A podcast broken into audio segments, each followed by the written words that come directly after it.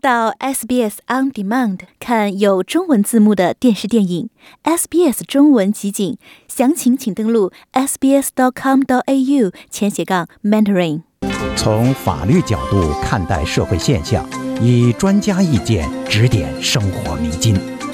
请听现场说法。现场说法，您了解法律、咨询问题的空间。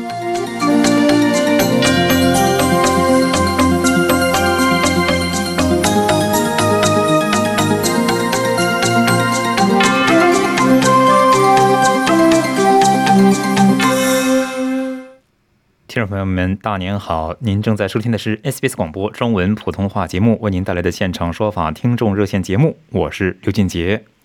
本期节目呢，我们邀请澳和绿业管理合伙人、澳洲高等法院注册律师林慧明先生呢，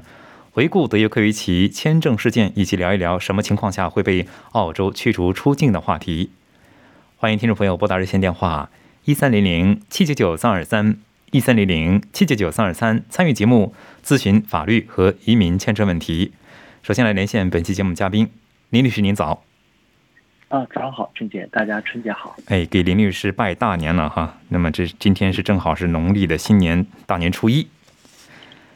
呃，我们看到哈，林律师在二零二二年开年之冲呢，最轰动的事情之一呢，就是澳洲移民部长取消德维奎奇签证的这个风波哈。呃，并且引发了广泛的一些讨论。就是我能先请您先简单的回顾一下这个德约科维奇签证风波的这个经过吗？哎，好的，没问题。呃，我们来看一下德约科维奇他在过去这一个月当中，他签证被反复的，比如说，哎，又获得啦，又得职啦，然后又被取消啦的一个快速的一个过程。呃，二一年的十一月的时候呢，他获得了澳大利亚临时活动四零八类的签证，但是包含体育活动来参加这个澳网。然后十一月二十九号的时候呢，那个卫生部长以及网球协会澳大利亚网球协会就希望所有进入澳大利亚免隔离的球员呢，他必须是接种疫苗的，之前曾经感染新冠的不能算作是后面理由。然后呢，随后德约科维奇在二一年的十二月十六日感染了新冠，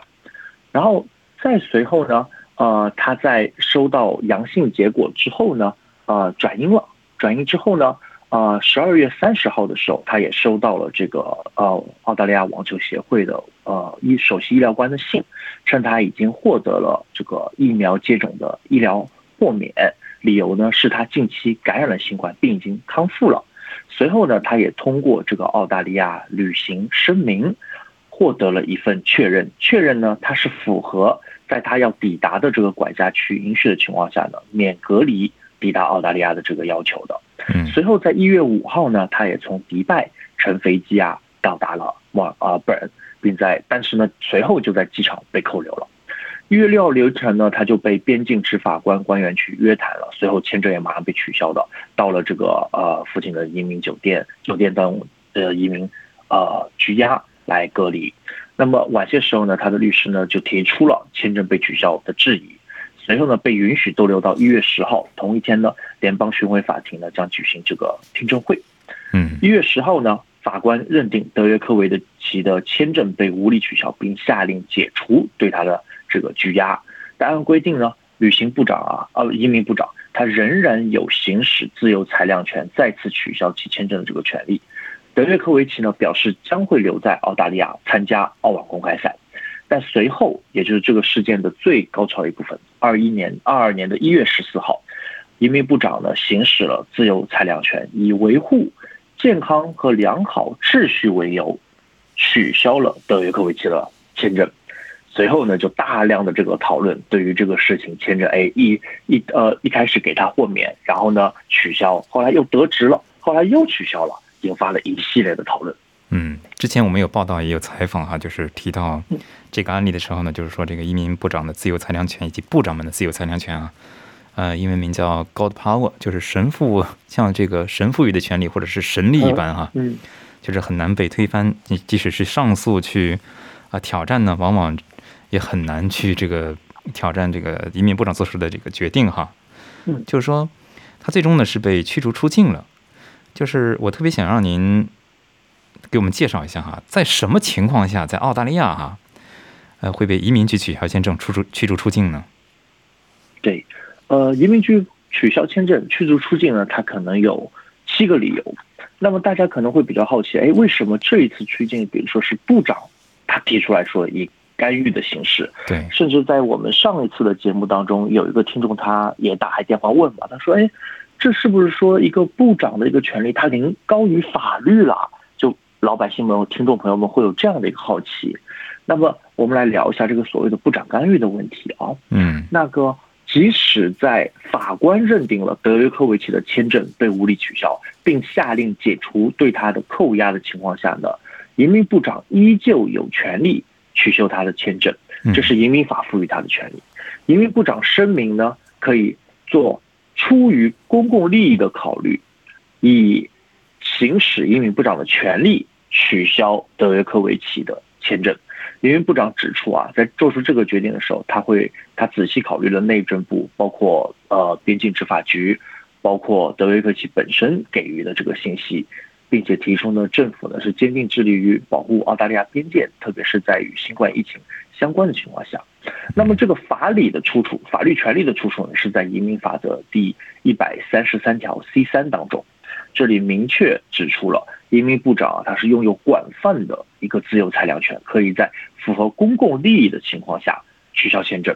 那包括以依赖健康、安全和良好的秩序。那么在这个案例当中，他就是基于这个新冠的一个担心而取消。那么呃，随后呢，也呃。总理也表达了，就是说规矩啊，它就是规矩，尤其涉及到国境的时候，没有人可以凌驾于这些规则之上。因此呢，这个自由自由的裁量权的部长干预，它并不是一个主观的说，哎呦，部长他可以直接做出，它依然是规则。这个规则就是移民法第一百三十三 C 条。嗯，当然是这个规则是规则哈，就是说，嗯，是不是说只有部长或者是部长的代表可以授予或者拒绝或者取消签证呢？移民部的，比方说普通的职员，他可以做出这个驱逐出境的决定吗？呃，原则上这一百三十三条 C 啊，它是只赋予移民部的部长的，或者是这个部长指定的代表，他们可以去授予啊、拒绝啊或取消签证。呃，因此呢，在澳洲所有的签证类型都是由移民局来进行决定的。嗯，刚才您提到啊，这个取消签证被驱逐出境的这个原因呢，可能大概有。七条的样子哈，大概会有哪些呢？您能给我们嗯，举举一些例子吗？哎，好的，没问题。呃，我们也经常会在新闻当中或者看到啊，听到看到说，呃，谁拿到签证了，后来又被取消了，因为各种原因。呃，移民局呢，如果取消了签证，也可以取消在家庭当中成员家庭成员持有的签证。呃，然后。当然，雇主、担保人或家庭成员他们是不能取消您的签证，只有移民局可以。呃，除了有父母责任之外，父母责任他是可以要求移民局去取消未满十八岁周岁的这个孩子的这个签证的。那么，所以呢，在拿到永居签证或者离异签证之后，它并非是一劳永逸的，移民局仍然可以根据移民法来取消持有人的签证。那么，在移民法当中呢，许多条款都规定了取消签证的一些原因。大致有以下七条。那第一个，第一百零九条，基于错误信息或虚假材料而获得的签证，它是适用于所有签证的，永居或者临时签证等等。比如举个例子，比如说我 PS 过的、涂改过的银行账单、电费单、虚假的照片、虚假的父母信息。呃，申申请人假设有三个孩子，但是却只报了两个孩子，多报或者少报，隐瞒啊。或者给予假信息啊，等等，这是第一个。嗯，第二个呢，在第一百一十六条呢，也有一个设置了一个一般理由。这个一般理由就是其实类似于一些兜底条款，比如说因不遵守条件的其他理由而取消，比如说在旅游签证的时候这个非法打工啊之类的。嗯，第三个，第一百二十八条，澳大利亚境外的签证持有人与这个 S 幺零九或 S 幺幺六取消的。相同，就我们刚才以上说到这两种，签证持有人在海外取消前呢，是不会向这个签证持有人发生取消的意向的通知。例如，这个学生签证的持有人，那回国后被取消签证这种情况。嗯，那第四种呢，啊，还有第一百三十四条啊，投资移民签证，在签证持有人不遵守签证条件的情况下取消了他的这个 PR，比如说幺三二 A 的投资签证持有人，因为无法通过监禁期而导致签证取消。我们都知道，一定的投资移民它有是有所谓的监管期的，也就是我们带引号老百姓理解的这个呃。这个呃移民监一样要待在这里，但是可能会待不满啊，或者待满的时候没有得到其他的一个条件的啊达成啊之类的，也有可能会被取消。嗯，以上是这四种情况。那第五种呢？还有啊，它其实蛮多的，给了移民部长啊或者移民局非常大的一个裁量权，去对于一些签证进行 review。呃，一百三十七条 Q 偏远地区雇主担保签证，如果持有人不遵守签证条件，这签证也可以被取消。比如说，例如更换了雇雇主。那更换雇主呢，并没有告诉移民局，或者让更换雇主新雇主的这个条件呢，是不达到雇主担保的相关的这个要求的。第六个，第一百四十条，间接取消。当主申签证被取消之后呢，其附申签证也会被一并取消。比如说，投资移民签主申请人取消，他的附申请人也会被取消。还有最后一个，第五百零一条，品格理由，基于品格。或其他公共利益的理由取消，例如违反澳洲的联邦法律或州法律而被判刑，或者在检查无犯罪这个记录的时候发现有在其他国家的一些啊犯罪记录等等，也可能会被取消。以上是在法律当中明确规定的七条，但依然给予了移民部长一个部长干预的一个较为主观、基于公共利益的一个权利来取消一些签证。嗯，非常感谢林律师的介绍啊，听众朋友。您正在收听的是 SBS 广播中文普通话节目，为您带来的现场说法听众热线节目。本期节目呢，我们邀请林律师为您聊一聊，在什么情况下会被澳洲驱逐出境的话题。欢迎听众朋友们的拨打热线电话一三零零七九九三二三一三零零七九九三二三参与节目咨询法律和移民签证问题。接下来我们接听听众电话，这位是王女士，王女士您好。喂，王女士，您可以听到我说话吗？可以，可以是我。哎，您请讲。哎，我我想问一下，就是比比如说我这个邻居他盖了一个像那种大亭子似的，如果我不满意，我可以上哪去 complain 呀？哦，如果您的如果邻居盖了大亭子，有影响到您的这个使用权或者是土地的所有权的话。您可以先联系这个呃，如果您所在的州这个民事行政裁判庭，比如说是昆州的话是 QCAT，如果是维州是 VCAT VCAT，然后是新州是呃 NCAT，先去联系他们，他们有部分的这个会处理关于邻居之间纠纷的一些管辖权。哦，那那就是说找 City Council 没用是吗？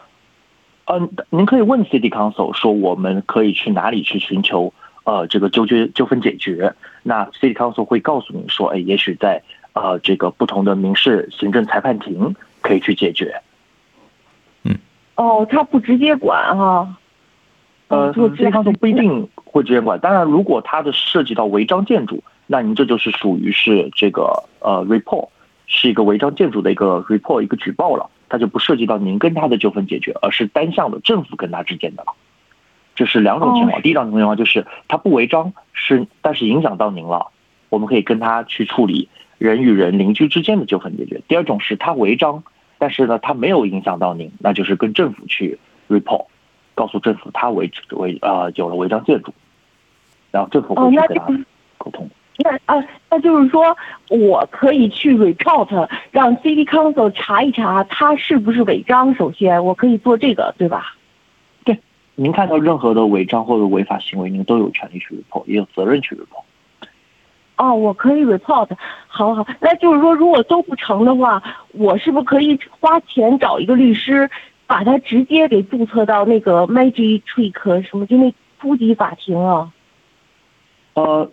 可能是先去民事裁判庭，就是我们刚才说的这个行政。与裁判这个庭，就是相对比 magistrate court，就是地方法庭，可能还要再低一些的这个法庭，先去处理，因为这个法庭是呃关于性价比啊，还有时间啊，可能都是相对比较高、比较快的，来帮助到您。然后它里面也有比较定型的这个表格，成文的这个表格，让客户去填跟与邻居之间的纠纷。哦，好好，那好，谢谢您啊，当谢谢您。好嘞，谢谢您，王女士，祝您顺利。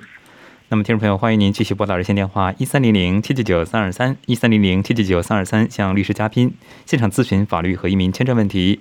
接下来继续接听听众电话，这位是王先生，王先生您好，是我吗？哎，是您，王先生，您请讲。啊，春节好啊，春节您好，春节好。那个就是我一个朋友，他原来在澳洲，这个几年前啊，在这做生意啊，赔了，就是倒闭了啊，破产了。破产了以后呢，他就回中国了。回中国以后呢，但是他是澳洲身份，就是拿到嗯不是永居了，就是加入澳洲国籍了。嗯他现在在中国这个嗯这个工作，那么他现在呢，他让我问一下，就是说，呃，他原来是欠那个供货商的钱，还欠税局的钱。那么这样一来，就是假如他将来回来的话，那么回来的话，他就算能还的话，他一点点还。他在中国赚钱，不可能马上就还上。他想问一个什么问题呢？就是说，他如果回来的话，那么呃，他要找工作的话，呃，能不能找到工作？他是不是有这个不良记录了以后，他找不了工作？第二个，找了工作以后，那么找了工作以后呢，他这个这个这个这个这个是不是欠债的哈？你比如说税局啊，让他还钱，就算你挣钱了，那么你得把这个包括供应商，你你要把这个欠的钱还了。那么他眼下的生活，包括家庭生活，这个应该就是不知道呃怎么处理的，澳洲怎么规定的？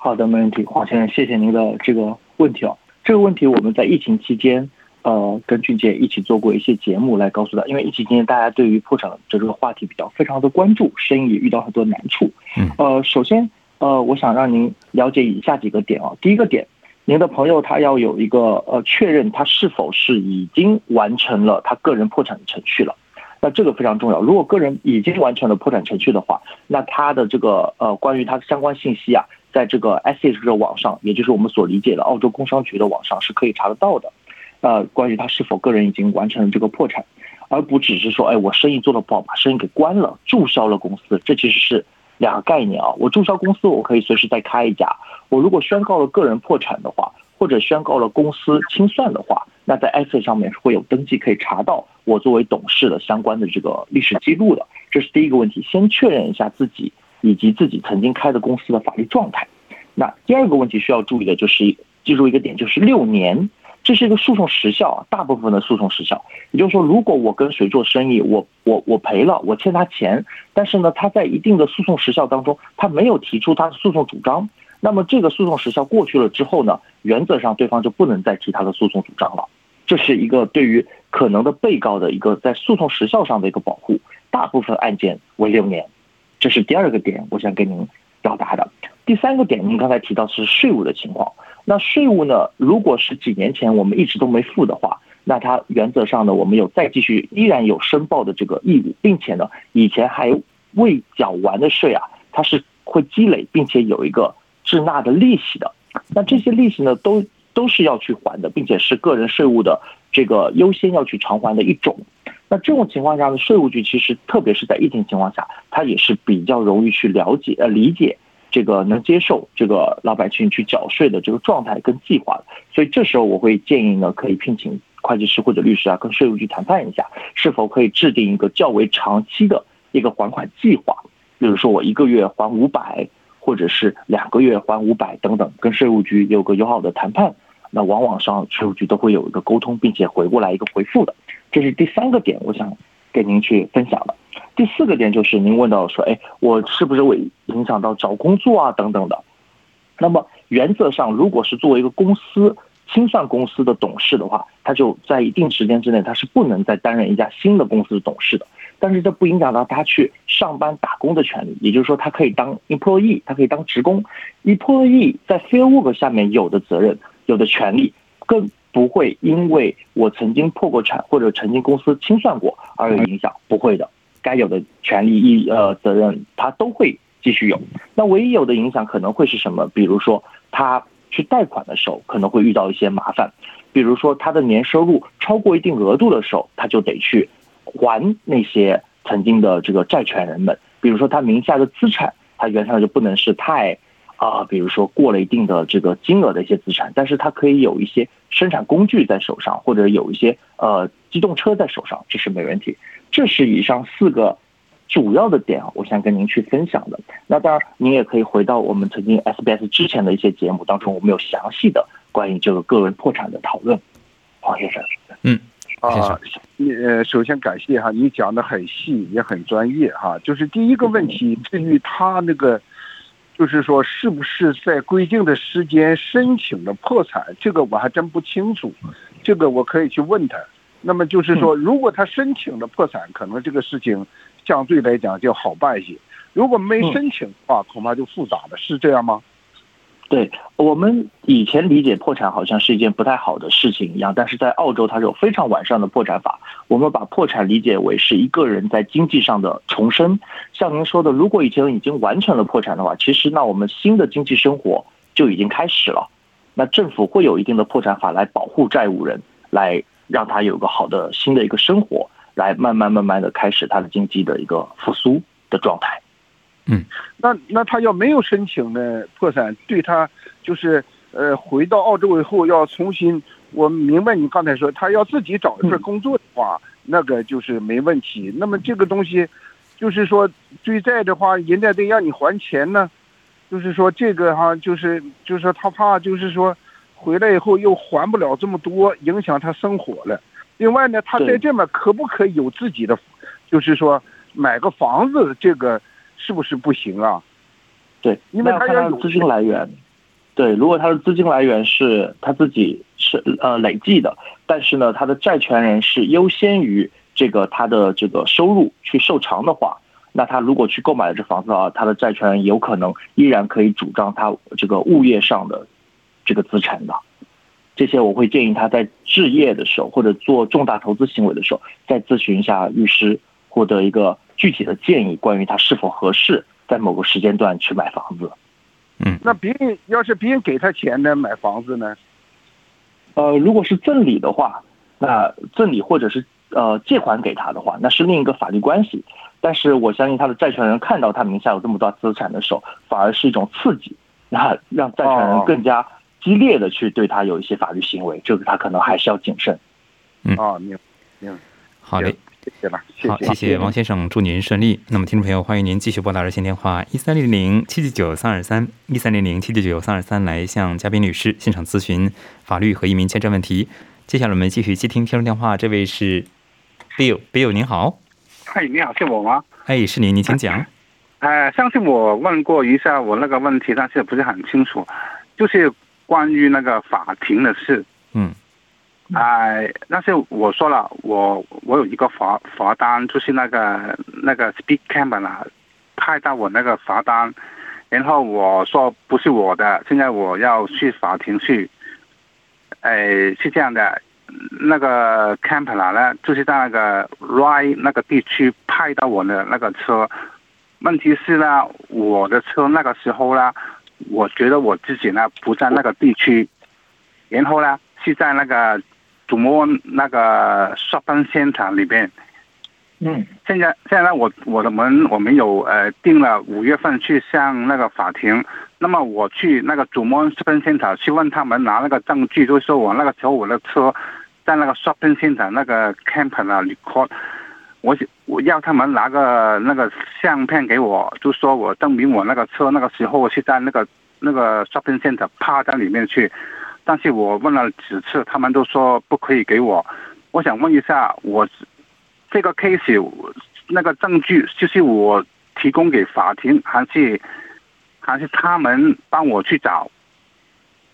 啊，了解，谢谢您的问题，有 Bill。您有两个呃可的可能的选项可以去主张这个证据哦。第一个就是呃，您确认这个车不是您开的，并且不是您授权的人开，而是停在那边被非法使用了给开出去，后来可能给开回来了，这可能会构成非法使用或者是盗窃。如果是您有相关的初步证据，初步证据就可以了，能证明有这样的行为的话，那您可以移交给警方，警方可能会去调查或者去呃先去获取立案或者去调查。那你就会拿到 reference number，有了 reference number 之后，那这个呃趴车的这个这个地方管理的地方，它就有可能去配合去提供给警方或者提供给您相关的这个视频了。这第一种，您怀疑有不法行为或者是盗窃行为，并且有初步的证据的情况下。第二种就是，哎，我我没有初步的证据，我也不是怀疑这个呃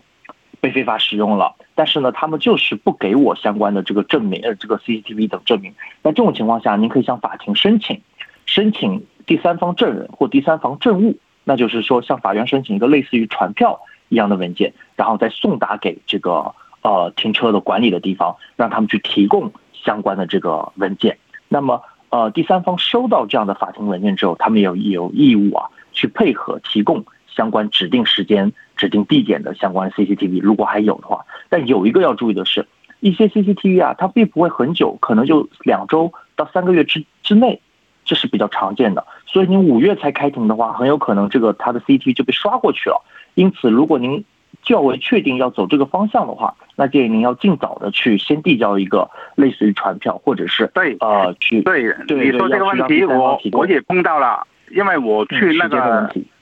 我去那个就两个 camp 啦，一个就是那个卡帕那个 camp 啦，然后另外是我去那个那个商店那个 camp 啦。我去那个商店问他们，问那个老板说：“我你可以说我什么时候站在这里进的你们商店？那个商店那个 camp 啦？”他们说已经 delete 了，就是把它弄掉了。是的。问题就是那个那个 car park 那个，我问他们，他们不给我。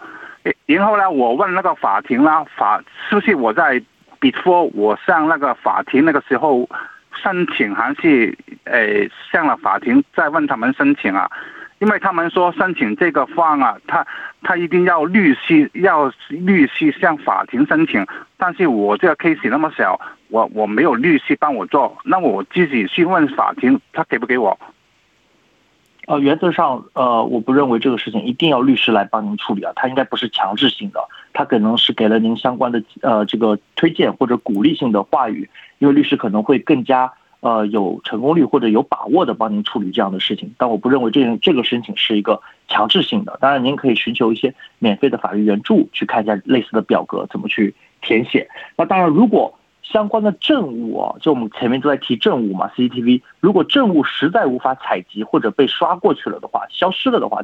呃，删除了的话，您依然可以考虑证人的方向。比如说，询问商场的一些店员的一些证人啊，停车场管理的证人，甚至是您的一些家人啊之类的，然后用一些证人证词来作为证据，也是一个选择。当 CCTV 如果无法采集的话，但是，哎，他们知道我那天去过，但是他们你说，比如说九点八点这个很准确的那个时间，他们我看他们不会，哎，提供给我。他我他们就描述他们知道的。对他们就描述他们知道的内容，那个内容并不一定会对您特别有利，也也可能会对您没有没有利，但也没有害。但是他们只会提供他们记得的内容，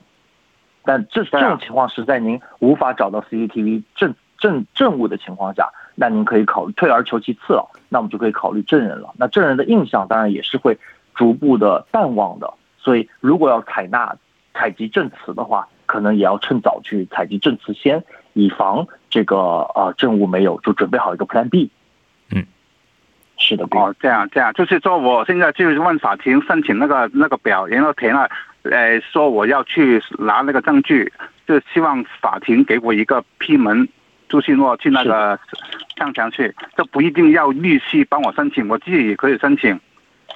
是的，我认为这是可以自助的，没有强制说一定要律师来。嗯哦，好，谢谢，我明白了。现在好，谢谢林律师，谢谢 Bill，拜拜。嗯，那么祝 Bill 顺利哈。那么，呃，林律师哈，刚才我们还是回到嗯这个驱逐出境的这个话题哈，剩一点点时间，让您简短的介绍一下，就说如果这个签证一旦被取消的话，会有什么样的后果呢？呃，签证一旦被取消，其实后果是非常严重的啊。首先就成为一个不合法的一个居民了，就是我没有居民。在这边生活的这个权利了逗留的这个权利了，这是第一个。第二个呢，有可能会被关进拘留中心，嗯，因为我不能没有一个呃拘留权在这个这块土地上管辖权上，但是我要会被关到拘留中心。最后呢，是有可能被遣送出境的。在但是有一个转机啊，在这种情况下，依然可以去申请一个过桥签证。如果这个过桥签证获批的话，可以获得暂时合法的身份，选择是自己离境。或者是遣送出境，这两个有区别的对吧？对，有区别的。那个相关的记录啊，包括相关的这个呃文件啊，包括相关的款项啊，可能都是不同的。嗯当然，你受到的相关的待遇也会不同。就是如果自己离境，我可以去选择航班啊，包括服务啊等等。那如果遣送出境的话，一有记录，二其实也没有太大的选择权，之类的，就蛮有意思的。如果此人没有获得，是嗯，非常感谢林慧梅律师做客本期的现场说法听众热线节目，也非常感谢今天早上两个小时听众朋友们的陪伴。我是刘俊杰，以上就是今天的节目。了解澳洲，融入澳洲，欢迎登录 sbs 点 com 点 au 前斜杠 language 前斜杠 mandarin，获取更多澳大利亚新闻和资讯。